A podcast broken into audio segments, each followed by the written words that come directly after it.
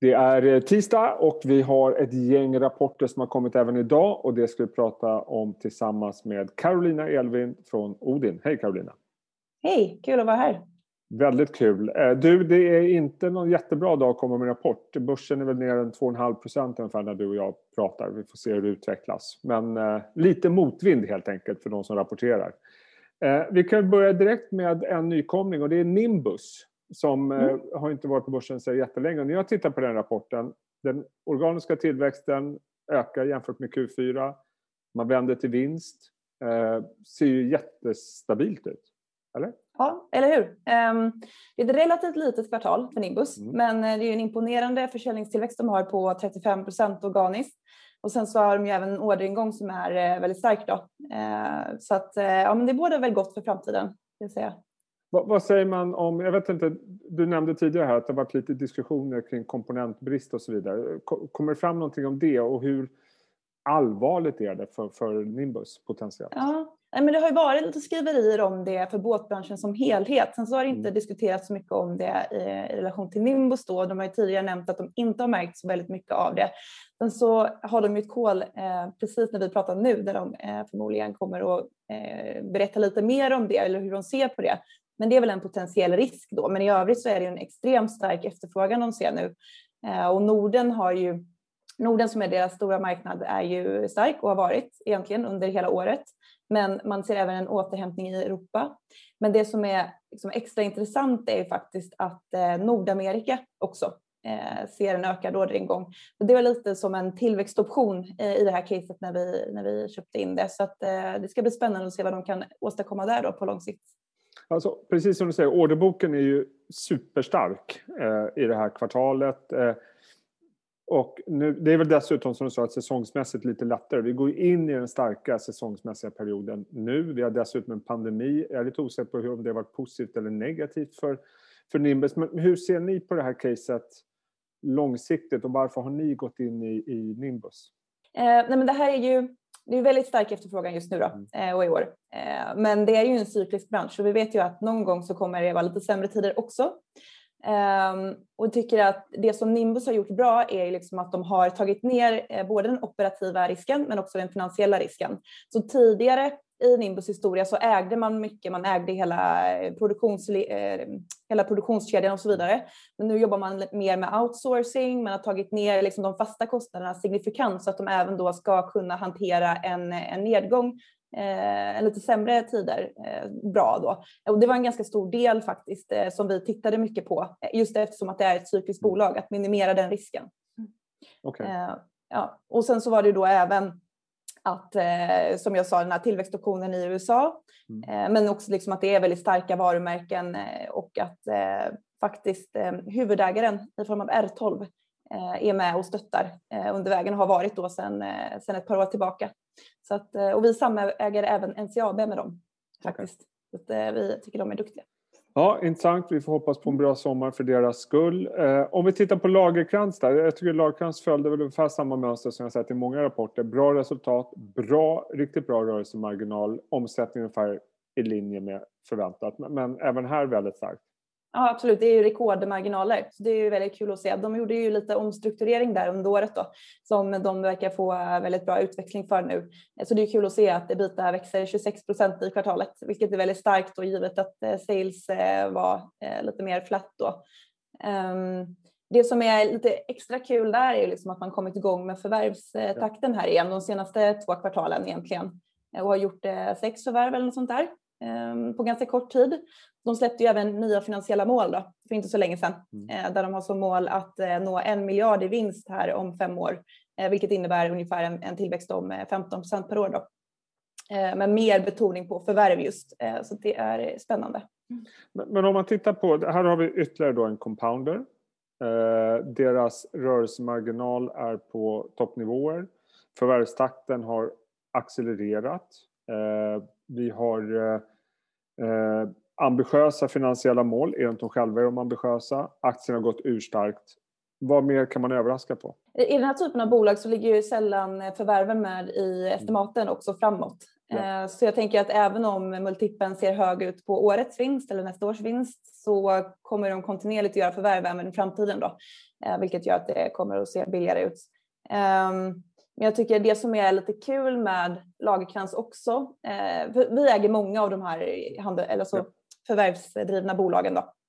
Men det som, är, som gör att Lagerkrans sticker ut lite är att de äger en större andel eh, produktbolag. Då. Så att eh, egna produkter som andel av deras försäljning är mycket högre än i en del andra liknande bolag. Då. Okay. Eh, och det här är liksom extremt nischade produkter med ofta ledande positioner på, väldigt, på liksom, eh, nischade marknader. Det kan vara allt från liksom, ketchuppumpar som du ser på McDonalds till vassklippare till eh, sprinklersystem. Så att det är liksom Eh, det, det, är roliga små bolag som de, som de köper och sen utvecklar. Eh, så eh, det, det, är en intressant tillväxthistoria för över tid. Och de har levererat väldigt bra avkastning till sina aktieägare över en väldigt, väldigt lång tid. Då. Vart ju även tidigare en del av Bergman och Beving som du vet. Och det är också ett bolag som vi ägde faktiskt i Odin Sverige när den startade för 27 år sedan. Så att vi är långsiktiga ägare i de här bolagen. Bra. Eh, du, vi avslutar dagens rapportrunda med eh, Sweco. Eh, var väl väldigt mycket som väntat såg det ut som när jag tittar på siffrorna. Jo, men det var det. Men det var väl också lite bättre på organisk tillväxt än väntat. Okay. Så den var väl justerad för säsong, var det ungefär flat year over year då. Ehm, när det var förväntat att vara lite negativt. Så att det ser ut att vara en återhämtning ändå, eh, lite starkare än väntat. Men det är fortfarande lite tyngt av pandemin. Men så är ju, eh, de hade lite problem med Tyskland där under förra året och tog en nedskrivning och sådär. Eh, och där har de tillsatt en ny ledning som ska få ordning på det, på det området och ser ju faktiskt ut att förbättras. Då. Ehm, jag tycker om man lyfter blicken så har ju Sweco varit väldigt framgångsrika i att expandera geografiskt historiskt. Och det är också en så kallad compounder ehm, som gör liksom kontinuerligt eh, massvis med små förvärv. Då. Och där finns det ju otroligt mycket mer att ta tror jag, även nere i Europa. Ehm, så det är liksom en lång tillväxt, eh, tillväxthistoria det här. Och sen så har de ju liksom en en väldigt framgångsrik modell. Då. Det syns inte, inte minst eh, på marginalerna i den nordiska delen. Då. Eh, att de har en väldigt framgångsrik decentraliserad modell. De skriver ju själva att eh, pandemin har haft liksom en signifikant effekt på tillväxten, en negativ sådan. Hur ska man se på den här typen av bolagen efter pandemin? För det är ju ändå mycket fokus på infrastruktur, eh, vilket många har pratat väldigt många år om att investeringarna, finansiella, eh, finanspolitiska investeringar kommer att öka och så vidare. Så att, och man ser en liten vändning redan nu. Kan det här bli liksom en potentiell vinnare på den världen vi får efter pandemin? Jo, men det tror jag. Och jag tror också att liksom den, de, den typen av investeringar eh, pågår under väldigt lång tid. Det handlar ju också om liksom övergången från, eller till ett mer hållbart samhälle. Eh, och det är liksom enorma investeringar som ligger i, i de områdena och som Sweco kan gynnas av under en väldigt, väldigt lång tid. Så jag tror att det här är liksom, de kommer ha en medvind på efterfrågan över en lång tid, liksom, även om det på kort sikt eh, kan variera lite. Då.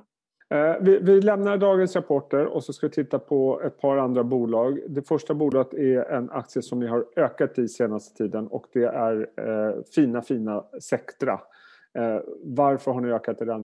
Ja, nej men Sectra är ett bolag som jag har följt eh, under en längre tid eh, och ett, eh, ett bolag som jag verkligen gillar. Jag tycker de är extremt duktiga. Mm. De har liksom ett starkt kundfokus och, och, bra service och är liksom, ja, de sätter kunden i fokus och har då varit väldigt framgångsrika på att ha nöjda kunder. Då liksom. Ehm, ja, det som jag tycker är mest intressant med Sectra just nu är faktiskt att USA som är en stor marknad för dem Eh, Eh, har, de har verkligen lyckats att få igång sin försäljning där. Så nu är faktiskt det, eh, USA deras största marknad. Eh, tidigare var det Sverige då. Men det är en väldigt, väldigt stor marknad. De har fortfarande en relativt liten marknadsandel där. De fick ett FDA-godkännande för deras relativt nya produkt eh, för digital patologi där under förra året. Eh, så vi ser liksom en väldigt stark orderingång då och inte bara på den produkten utan på deras eh, andra bildhanteringsprodukt då också. Så att de hade ju faktiskt under de har ju bruträkenskapsår och under deras tre första kvartal här så ökade orderingången nästan 80 procent. Det är en stark efterfrågan vi ser för sektorn just nu. Eh, sen så har väl tillväxten varit lite eh, begränsad då på grund av att man inte riktigt kan komma ut och installera. Eh, för det är ändå delvis beroende av det då. Men vi ser väl att det finns goda möjligheter för sektorn att växa bra här de kommande åren också. Man kommer ju med sin Q4, jag tror det är i början av juni och det brukar vara säsongsmässigt det absolut starkaste kvartalet för dem. Och som du nämnde, orderingången rullande 12 månader är ju busstark. Och det här är under en pandemi och det här är ett bolag som håller på med digitalisering. Hur ser ni på möjligheterna för det bolaget igen när pandemin är över? För det känns ju som helt rätt område att vara i. Ja, eller hur. Det är verkligen en, en investering på liksom digitalisering av sjukvården eh, som generellt sett ligger lite efter på det temat. Liksom. Eh, så jag tror väl att eh, pandemin har liksom accelererat en trend eh, som egentligen är väldigt långsiktig och pågått under en tid. Då. Eh, så jag, jag, tror absolut att möjligheterna för sektorn på, eh, att växa på lång sikt är väldigt goda och det är framförallt drivet av den amerikanska marknaden då, men också eh, lite nya marknader som de går in på, till exempel Kanada, Frankrike och sådär. Eh, det som är liksom dels drivaren i USA också är att man har vunnit det här Best in class som det heter mm. eh, flera, flera år i rad och har väldigt nöjda kunder där. Eh, och det är en viktig, liksom, ur ett marknadsföringssynpunkt så är det väldigt viktigt då.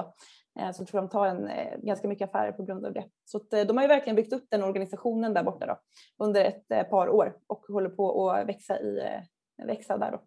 Vi avslutar med en helt ny aktie i er fond och det är Alm Equity. Berätta, varför har ni gått in i den aktien? Alm Equity är ju då, eh, egentligen så är det en investering i den här entreprenören Joakim Alm då, som har varit ja. med och byggt upp det här bolaget eh, sedan starten 2006.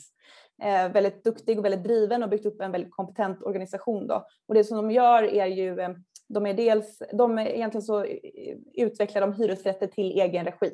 Mm. Så det är det som är deras affärsmodell. Så det är de stora delarna i det bolaget då. Ehm, de har en organisation som är väldigt liksom, kvantitativ och disciplinerad i sin projektutveckling som vi tror är relativt eh, unikt då eh, och har gjort det väldigt framgångsrikt. Så fram till för ett par år sedan så var de faktiskt en utvecklare eh, av bostadsrätter.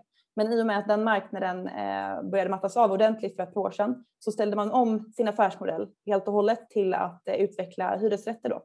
Och då har man även samtidigt byggt upp den här förvaltningen, alltså fastighetsförvaltningen av hyresrätter eh, på relativt kort tid.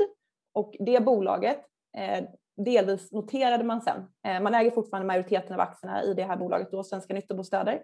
Men det har ett marknadsvärde runt 7 miljarder nu. Så de har verkligen synliggjort enorma värden där på kort tid. Men det här är liksom ett tillväxtbolag är det. Så de har en, en, en pipeline som är väldigt signifikant. Eh, och med ganska god visibilitet då fram till 2025. Och det här är liksom Stockholm, det är attraktiva områden, nära kommunikation och eh, eh tunnelbanor. Eh, och eh, det är även hyresrätter då som är, som är en, en het tillgång. Så att, eh, jag tycker det är ett väldigt spännande case som jag tror har gått under radarn för många faktiskt. Aktien har ju gått bra och, och den fick ju en skjuts här, vad var det förra veckan, när de meddelade att man avser att förvärva Järntorget byggintressen tror jag det heter. Vad är det för typ av affär och hur eh, signifikant är den för allmän equity? Jo, men det, jo, men det är en ganska liknande affär. De har också byggrätter eh, och är liksom en, en, projektutvecklare och som jag tror har även för avsikt att eh, köra lite egen förvaltning. Då. Eh, så att eh, Alms strategi är ju dels att eh, utveckla egna eh, hyresrätter och växa på det sättet, men också att göra liksom, förvärv eh, lite då och då. Ehm, så, när de tycker att det finns eh, liksom, intressanta byggrätter i de bolagen och sådär också. Väldigt kul att snacka med dig. Eh, hoppas ja, att vi hörs snart igen och eh, ha en fortsatt bra vecka. Detsamma. Ha det bra.